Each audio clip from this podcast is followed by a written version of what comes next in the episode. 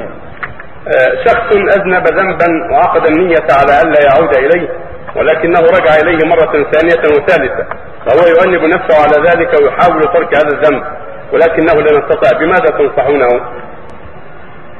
على كل حال الواجب عليه أن يستمر في التوبة دائما والله جل وعلا يتوب على من تاب. فإذا تاب من الذنب توبة صادقة بالندم والإقلاع والعزم أن لا يعود ثم بني به مرة أخرى فعليه جريمة الذنب الآخر. والذي تاب منه فعليه أن يجتهد في التوبة مما وقع مرة أخرى وهكذا. كلما وقع فليبادر بالتوبة الصادقة والاقلاع والندم والعزم لا يعود ويكفيه الله شر ذلك الذنب بالتوبة الصادقة. ويجلسه ربه ويضرع إليه أن يقيه شر هذا الذنب ويعيده من شر نفسه ويصحب الأخيار.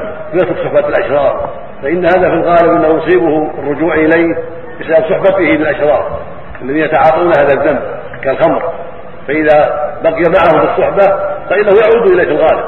لكن يجب عليه أن يباعد الأشرار وأن يدع صحبتهم وأن ينتقل إلى أصحاب اخرين طيبين لعله ينجو ولعله يسلم المقصود أن الواجب أن يحاول البعد عن أسباب العودة إلى هذا الذنب. وإلا فهو غير مؤاخذ بالذنوب السابقة. كل ذنب تاب منه توبة صادقة فإنه يمحى عنه وإنه يؤخذ بالذنب الآخر الجديد الذي عاد إليه وهكذا. هكذا قال أهل السنة والجماعة. نعم.